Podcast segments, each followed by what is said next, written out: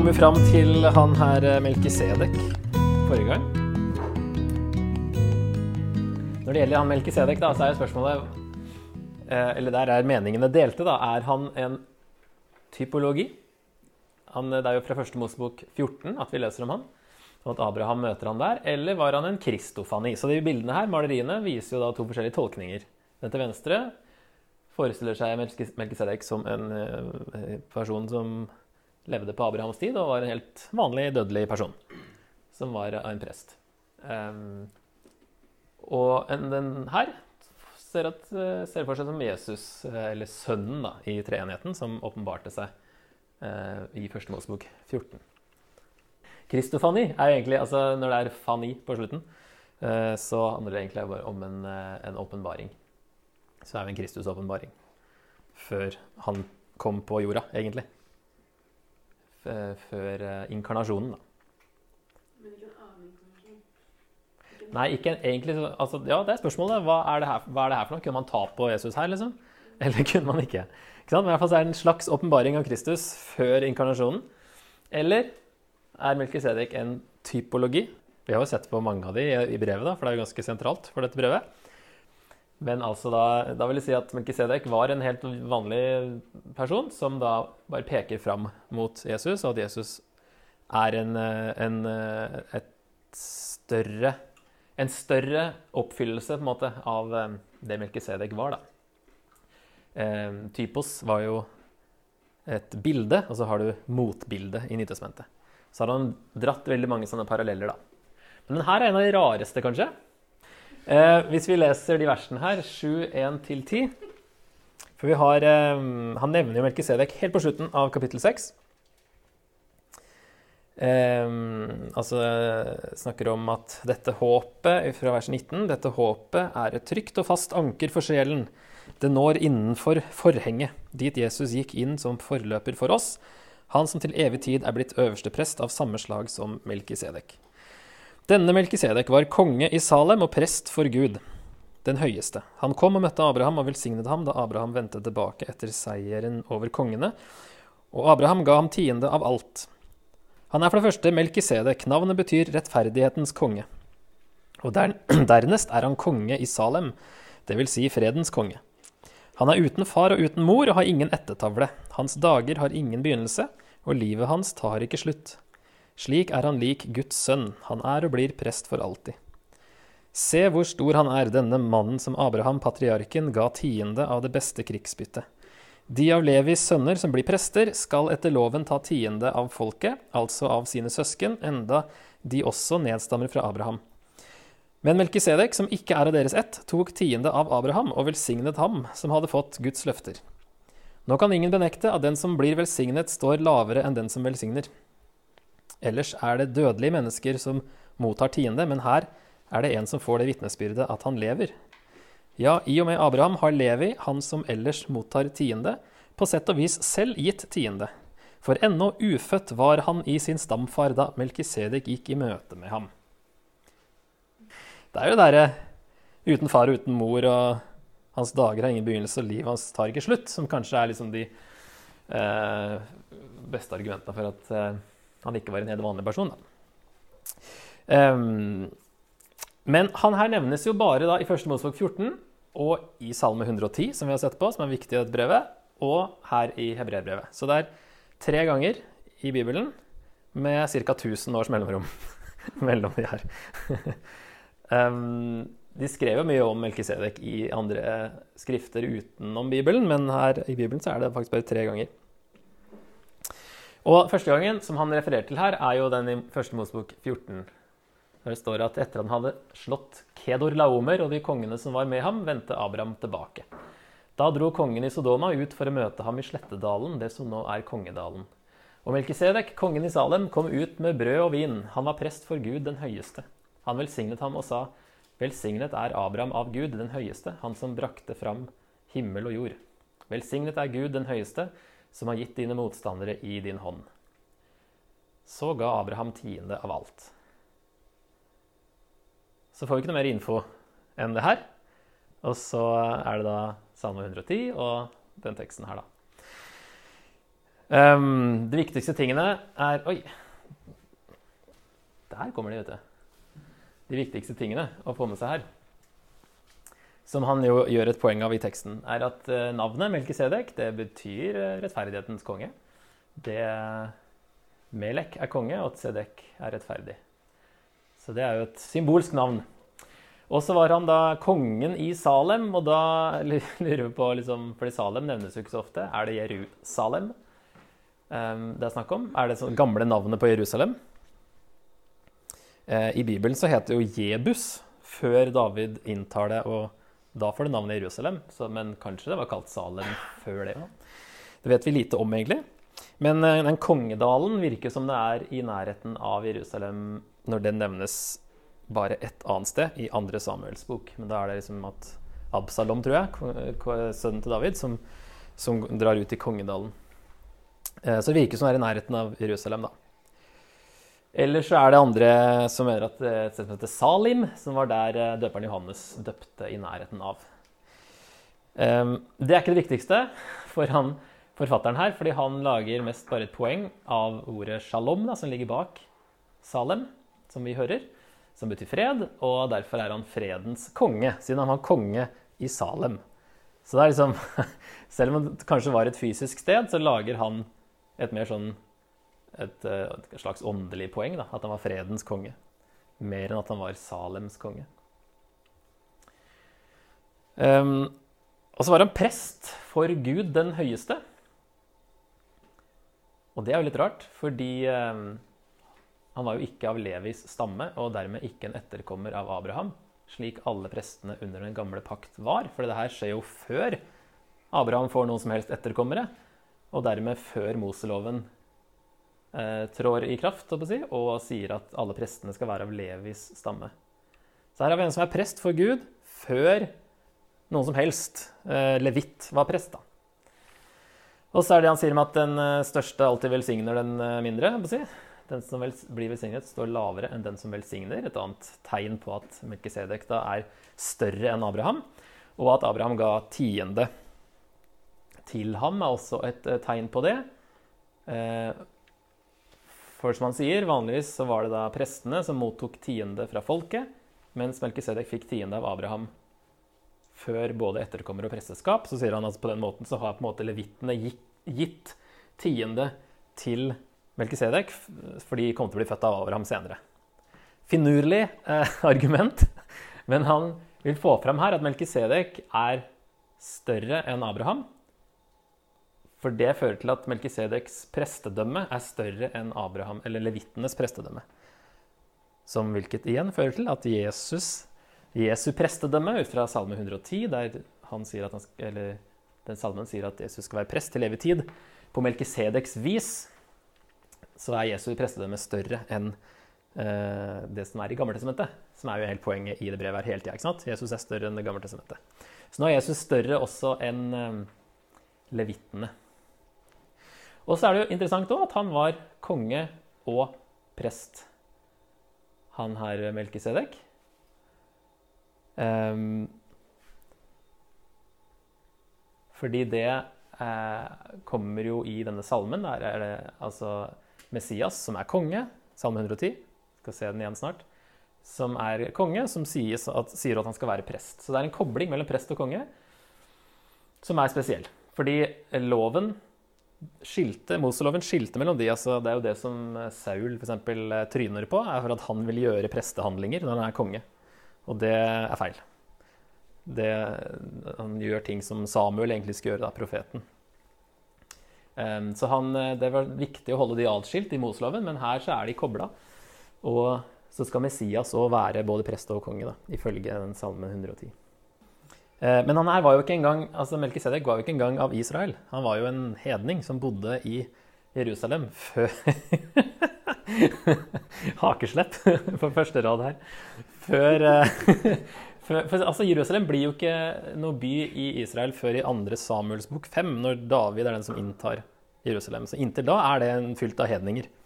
Så her bor det en eller annen mystisk fyr som er utenfor Guds folk og alt, og som da er på en måte større enn Abraham på forskjellige punkter da, som vi skal oppsummere etterpå. som da. Nei, Israel er jo ikke noen ting i det hele tatt her. Ikke sant? Nei, så han, er jo Altså, det er helt riktig. så derfor er det Dette er lenge før alt. Sånn at eh, Israel var jo så vidt bare blitt eh, si, Abraham er akkurat blitt utvalgt til å etter hvert bli til Israel, da. Men hvis Israel ikke har blitt Israel, hvordan kan du da hevde at han er hedensk person hvis han ikke Ja, sant, sant. Interessant poeng. Nei, for denne tida her så er jo på en måte alle hedninger, så det er for tidlig å snakke om eh, Altså, han er jo ikke av riktig stamme, kommer han til Eller kommer vi til å senere. Han er prest veldig før noe som helst bestemte at altså Gud bestemte at levittene skulle være prestene. Men ja, på en måte så er alle hedninger her, for Israel finnes ikke. Men han er en prest som er prest for Gud den høyeste, som ikke er en levitt. Og det er den eneste personen vi vet om, tror jeg, som var det, da. Det er det som er litt sjokkerende. Selv om helt riktig, sånn tidsperiodemessig, så var uh, ingen uh, Israel, og da kan man egentlig ikke snakke om hedninger. Ok, uh, skal vi se litt på de der versene som, som er kanskje vanskeligst da, for å vite hvilken vei vi skal gå. Um, uten far og uten mor og har ingen ettertavle. Den er liksom, Hvis du tar den bare bokstavelig, så er det greit. Da er det liksom Jesus før inkarnasjonen, siden han er evig. Hans dager har ingen begynnelse, livet hans tar ikke slutt. Eh, det samme. Slik er han lik Guds sønn. Altså, han er lik Guds sønn. Det, det står jo ikke sånn, kanskje, på originalen. Men uh, han er såpass lik at han er Guds sønn, da. Uh, og se hvor stor han er. At det eneste store i dette brevet er Jesus. Alt annet er mindre enn Jesus, da. Det er som man da ville tolke det. Og så er det alternativt eh, uten far og uten mor og har ingen ettertavle. Det kan forstås som at han har ingen prestelig avstamning. At man hadde liksom ikke var av den eh, riktige slekta, da. Levitt-slekta. Der det var viktig hvem som var far din. Eller rart at mor nevnes, kanskje. Men eh, ingen ettertavle som skulle tilsi at han kunne bli prest. da. Jeg leste det så bokstavelig som at det, det står ikke om han. Mm. Så det står altså, Det er ikke nevnt noen far og noen Ja. mor og ingen ettertavle. Ja. Han er bare Nemlig. Ja. For det kommer kanskje tydeligere frem på neste her, at uh, hans fødsel og død er ikke nevnt i Skriften, og det medfører at heller ikke prestedømmet hans ble avsluttet, er poenget hans da. Så det blir, sånn, det blir en spenstig tolkning, Uh, i tilfelle han gjør det. Han er jo ganske spenstig, har vært så langt. Han kan gjøre sånne interessante krumspring, men, men her er det, fordi det ikke nevnes, så var han da, ja, hadde ikke riktig avstamning, eh, det var ikke nevnt noe slekt, han var likevel prest for Gud, og så står det ikke noe om fødsel og død, det vil si, på en måte så varer det fortsatt, og det dukker jo opp igjen i Salme 110, der det står at du er prest til evig tid på Melkisedeks vis. Så han har liksom litt sånn grunnlag for å dra den da, men den er jo en ganske annen tolkning. Mm? Jeg synes det er veldig tynn hvis han er sånn Ok, det er ikke nedskrevet at han ble født og at han døde. Er, Mm. Lever han sikkert evig? Nei, jeg tror ikke det, han trenger ikke å mene det heller. Men han, eh, han bruker det poenget til å koble det til et evig prestedømme. For siden det ikke står nevnt at han eh, døde og ga det videre til sønnen sin, eller et eller annet sånt noe, så er det liksom sånn Jeg tror ikke han trenger å si at han er evig, men prestedømmet hans er evig fordi, fordi det, skrift, det her dukker plutselig opp igjen 1000 år senere. Eh, og så har Jesus brukt samme salmen om seg sjøl, og så er et eller annet sånt mystisk. Det virker som han på en måte lager et argument ut fra hva som ikke nevnes. ut fra stillhet. Og leser mellom linjene. Ja. Men eh, slik er han lik Guds sønn. Vil man da lese som at han er ikke Han er ikke Guds sønn, men lik Guds sønn? Og det står egentlig faktisk 'han er gjort lik'. Så det er ikke hans vesen, men at han har, blitt gjort, han har blitt gjort lik Guds sønn. Eh, Og at poenget da at han er lik i presteskap, siden det presteskapet er evig, og at den koblingen skjer da i Salme 110 med Messias. Se hvor stor han er. Um, han er større enn Abraham. At det trenger ikke liksom bety at han er like stor som Jesus, men større enn Abraham. da. Og ganske høyt opp mot Jesus, pga. den linken her. Så det er de to forskjellige måtene å tenke på. Hvis vi skal prøve å oppsummere litt, så ehm, er det da det som skjer her, er at det er en prest som ikke var levitt.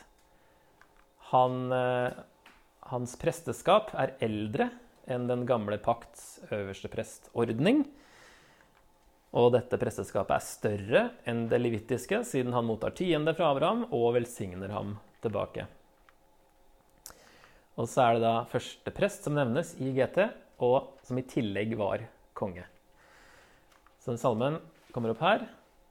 Herren sier til min herre, sett deg ved min høyre hånd til jeg får lagt dine fiender som skammel for dine føtter. Fra Sion rekker Herren ut ditt mektige septer, du skal herske blant dine fiender. Og så ned til vers 4 står det at Herren har sverget og angrer det ikke. Du er prest til evig tid på Melkisedeks vis. Så vet vi ikke så mye om liksom, hva er Melkisedeks vis, utover det som sies her, kanskje. Kanskje han forklarer det, da. Hva, sånn han forstår det, i hvert fall. Hva det betyr i Salme 110, dette på Melkisedeks vis, at det er et evig prestedømme. Um, og Han snakker også om at, at, Jesus var ikke av Levi, han var av Judas stamme, og at det er et, annet, et annet prestedømme som inntrer med Jesus, som er større enn Moseloven. Sånn tilbake til hovedpoenget, egentlig. Salem er faktisk bare her, og så er det noen steder der For det er samme konsonanter som shalom. Og så er det der de jødiske De som kopierte og tok vare på manuskriptene, forsto det som shalem. Mens den greske som vi om forrige gang, Septuaginta-oversettelsen, forsto det som shalom. Så de er oversatt med fred i stedet for eh, Salem, der det står i en salme. Og der står det en parallell til Sion, så det er sånn der, der Gud bor, på en måte. Sion og Salem står det i våre oversettelser, men i den greske så står det da Sion og fredens et eller annet. Så det liksom, det nevnes kanskje et par andre steder, men det er sånn mystisk. Så ja, jeg tror, ikke, jeg, tror ikke, jeg tror ikke jeg finner ut så veldig mye mer. Men jeg har bare en oppsummering litt på slutten her. Som sagt, dette var før loven skilte prest og konge. Ut fra Salme 110 forventet man at Messias skulle være både konge og prest samtidig, som vi også så vidt ser i Zakaria 6. Der er det en sånn eh, sammenkobling av Messias skal være både konge og prest. Um, det melkised, melkisediske prestedømmet i Salme 110 er det eneste som tilskrives en davidskonge. Så poenget er uansett at Jesu prestedømme er større enn det levittiske. Så her er litt sånn komplisert stoff. Men uh, jeg tror det er uh, Det er jo sånn han tenker, han her. Han tenker jo litt komplisert. Og det her husker jeg var sånn her når jeg studerte første gangen, så var det først bare en tåke, og så syns jeg det ble ah, ja, det er det han mener. Ellers så var det Det var liksom vanskelig. Um, men det her med konge og prest altså I noen manuskripter fra dødehavsrullene så forventer de to Messiaser, fordi det er én kongelig Messias og en prestelig Messias. Så det var, Men når det skjer en sammenkobling her og i Zakaria 6, og så er Jesus da den som oppfyller alt. ikke sant? Så Han er jo konge og prest og profet og alt. Men uh, den koblinga skjer liksom da Kanskje for første gang her, da. Så er det en sånn rar greie på sida av altså David, Når David skrev den salmen 110, så var det jo levitter som var prester, og han var akkurat liksom eh, inntatt Jerusalem og hadde vet ikke, hadde i hvert fall etter hvert planer om å bygge tempelet der. Og sånne ting. Og så likevel så skriver han om, en salme om en eller annen som skal være, altså Messias skal være prest på evig tid på Melkisedeks vis. Det er litt sånn sprøtt at det plutselig dukker opp der, når det var et annet prestedømme i, eh, i funksjon. Men ja, jeg tror kanskje vi skal gå videre. Så um, Han sier jo videre nedover at uh, Ja, vi har kanskje oppsummert det meste her. Um, altså vers 11, da. Dersom fullendelsen kunne nås gjennom det levittiske prestedømmet, som folket var bundet til ved loven, hvorfor måtte det da komme en prest av et annet slag, en som kalles prest av samme slag som Melkisedek, og ikke som Aron. Aron var jo da en levitt, han som da øversteprestene måtte være etterkommer av Aron, mens alle prestene måtte være etterkommer av eh, Levi, da. Um, ja, skal vi se. Står det vers 14. Det er velkjent at vår Herre stammer fra Juda, og Moses har aldri sagt noe om prester fra den stammen. Og så eh, sier han vers 18.: Dermed blir et eldre bud opphevet fordi det er svakt og unyttig. Loven førte jo ikke noe fram til fullendelse, men nå kommer noe bedre, et håp som gjør at vi kan komme Gud nær. Dette har ikke skjedd uten ed. De andre ble prester uten ed, men denne ble innsatt med ed av Gud, som sier, Herren har sverget og angrer det ikke, du skal til evig tid være prest. Derfor er den også så mye bedre, den pakten Jesus går god for. Og Det er et sånt vers som er litt sånn sentralt. Og også vers 8, eller kapittel 8, vers 6. Men nå har Kristus fått en langt høyere prestetjeneste, siden han er mellommann for en pakt som er så mye bedre og hviler på bedre løfter. Så det er jo det han hele tida vil vise. Den nye pakten, Jesu pakt, den nye, nye pakt som Jesus, Jesus innstifta, er så mye bedre på mange måter. Og at den første var ment å være tidsbegrensa. Det var ikke liksom Guds beste idé. Det var bare fram til Jesus kom, og hvordan Jesus oppfyller alt det.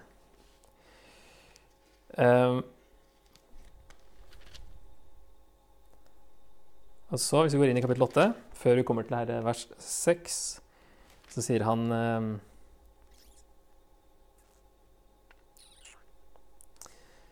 Ja, vi kan egentlig begynne da, på vers 6 her. Men nå har Kristus fått en langt ja, høyere prestetjeneste, siden han er mellommann for en pakt som er så mye bedre, og hviler på bedre løfter. Hvis det ikke hadde vært noe å utsette på den første pakten, hadde det ikke vært bruk for en annen. Men Gud har noe å utsette på folket når han sier. Og så kommer lengste GT-sitatet i Nytestamentet, som er fra Jeremia 31. Det er kjente versen om den nye pakten. Der han da forklarer litt hvordan denne nye pakten er så mye bedre. Se, dager skal komme, sier Herren, da jeg oppretter en ny pakt med Israels hus og Judas hus, ikke som den pakten jeg sluttet med fedrene deres den dagen jeg tok dem i hånden og førte dem ut av Egypt. For de ble ikke stående i min pakt, og jeg brydde meg ikke om dem, sier Herren. Men dette er pakten jeg vil slutte med Israels hus i dager som kommer, sier Herren. Jeg vil legge mine lovbud i deres sinn og skrive dem i deres hjerte. Jeg skal være deres Gud, og de skal være mitt folk. Da skal ingen lenger undervise sin landsmann eller sin bror og si 'Kjenn Herren', for de skal alle kjenne meg, både små og store. For i nåde vil jeg tilgi all uretten deres og ikke lenger huske syndene deres. Når Gud taler om en ny pakt, har han dermed sagt at den første er foreldet, og det som blir gammelt og foreldet, vil snart være borte. I det siste verset der så ser mange da en henvisning til at tempelet kommer til å bli ødelagt. At dette er skrevet da før år 70.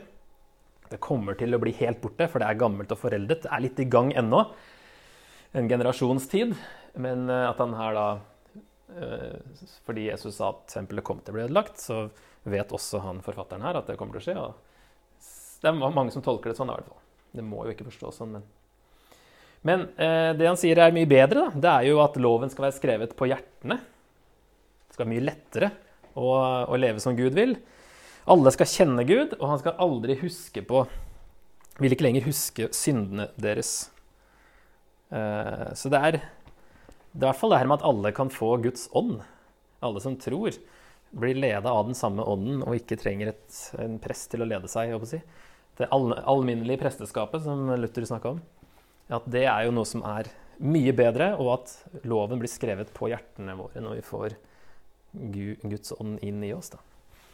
Så skal vi gå inn i dette møteteltet. Um, eller han snakker jo om, om tempel Altså, um, hva bruker han? Bruker han telt, telthelligdommen? Bruker han vel som ord. Selv om tempelet eksisterte, sannsynligvis, når han skriver det, så snakker han hele tida om den originalen i ørkenen. Da. Av en eller annen grunn. Og der sier han i uh, kapittel 9 også den første pakten hadde sine forskrifter om gudstjeneste, og den hadde sin jordiske helligdom. Det var reist et telt, og i det forreste rommet, som kalles Det hellige, var lysestaken og bordet og skuebrødene.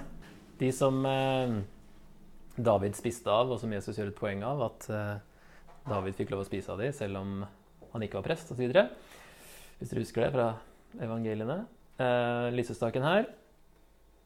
Eh, ja, er det bare de to tingene han nevner her, ja? I det forreste rommet. Lysestaken og bordet med skuebrødene. Så det her er forreste rommet fram til forhenget her. Her er det sånn røkelsesalter. Så her var det det helligste, og så er det innerst her er det aller helligste. Og der har vi paktkisten. Så står det inne. Der øverstepresten gikk inn bare én gang i året, da. Bak det innerste forhenget var det et annet rom som kalles det aller helligste. Det hadde et røkelsesalter av gull. Her står det for så vidt rett før, da, men han tar med det som en del av det. Uh, og paktkisten, som var kledd med gull over det hele. I kisten var en gullkrukke med manna, Arons stav, som fikk friske skudd, og pakttavlene. Over kisten var herlighetens kjeruber. De skygger over soningsstedet. Dette kan vi ikke gå nærmere inn på nå, sier han. Men det her, kjerubene er de her englefigurene på lokket som har vingene mot hverandre, står det i Moseloven. da. Og det var liksom akkurat mellom der at Gud var. Eller Guds sky liksom var rett over de der eh, kjerubene. Guds herlighet. Så det virka som at når han skulle inn der, så måtte han fyre opp noe røkelse for å liksom tåkelegge litt mer, så ikke han skulle til og med se den skya. Så klart, liksom. For det var, at selv om han gikk inn her sånn, fikk lov å gå inn, så var det ikke bare bare det heller. Slik var alt dette ordnet. I det forreste rommet går prestene stadig inn når de skal utføre tjenesten. Men i det andre går øverstepresten inn alene og bare én gang om året, og aldri uten blod som han bærer fram for seg selv og for alle synder folket har gjort, uten å vite det. Dermed viser Den hellige ånd at veien inn i helligdommen ikke er blitt åpenbart så lenge det forreste rommet ennå står. Så det her, på en måte, så lenge det er adskilt, da. Så lenge det her står, så viser Den hellige ånd at veien inn til helligdommen ikke er blitt åpenbart. Dette er et bilde på den tiden som nå er.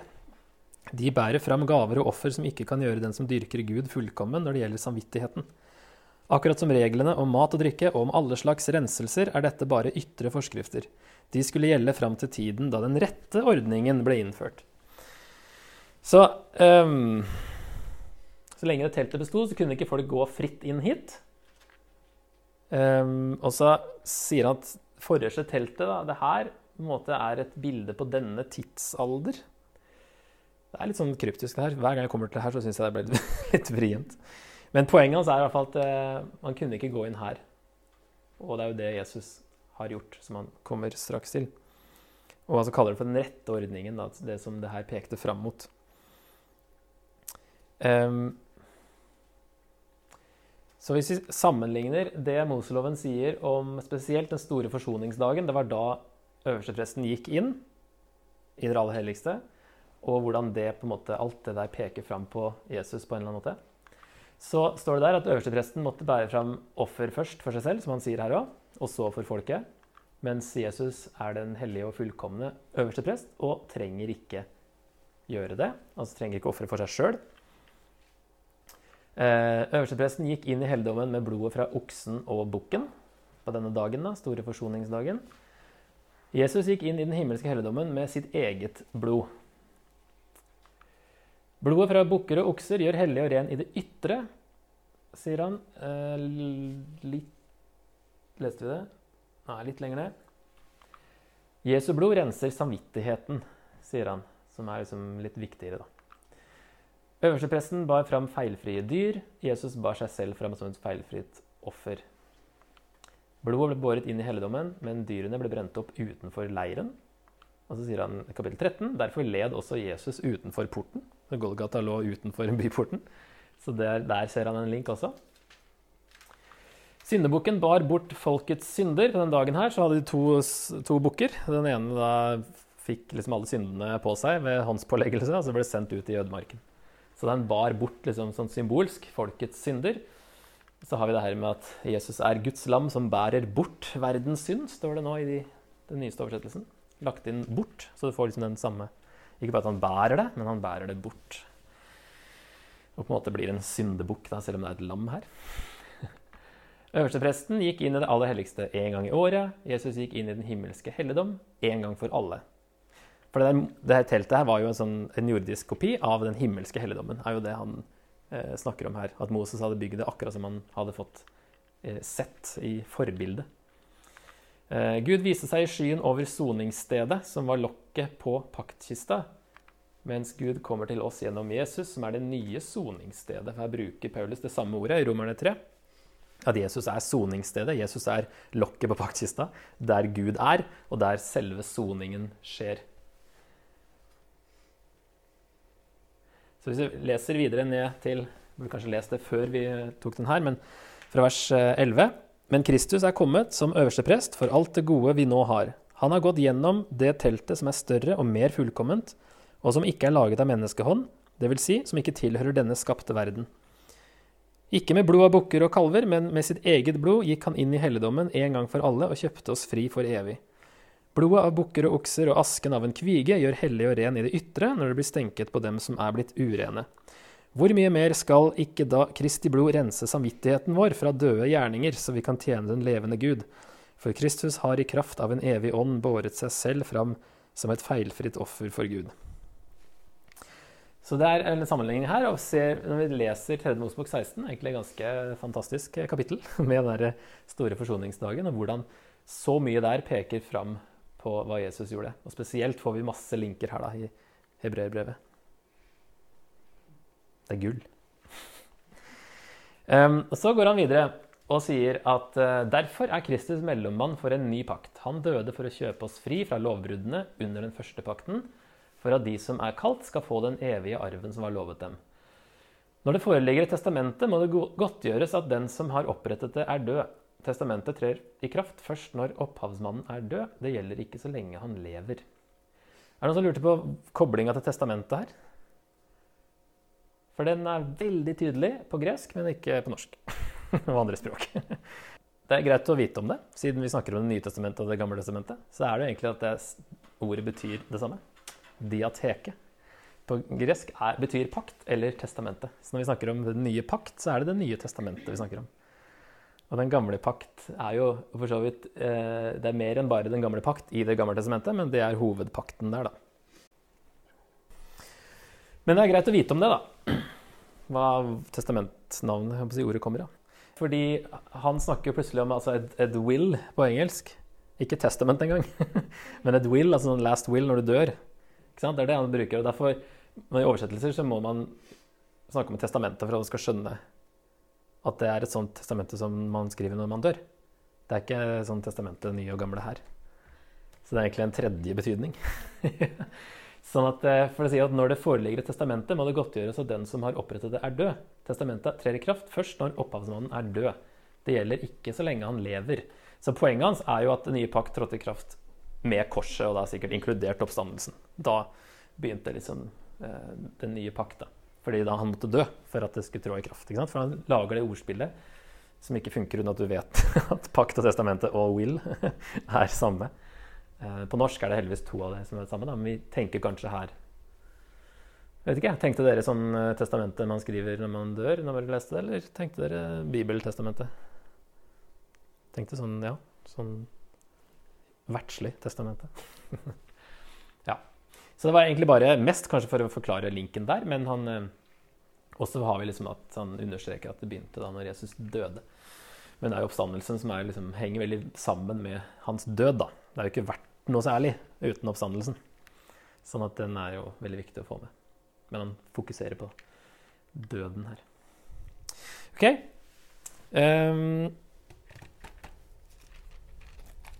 jeg tenkte vi skal se når vi kommer til 9.17 Hvis vi da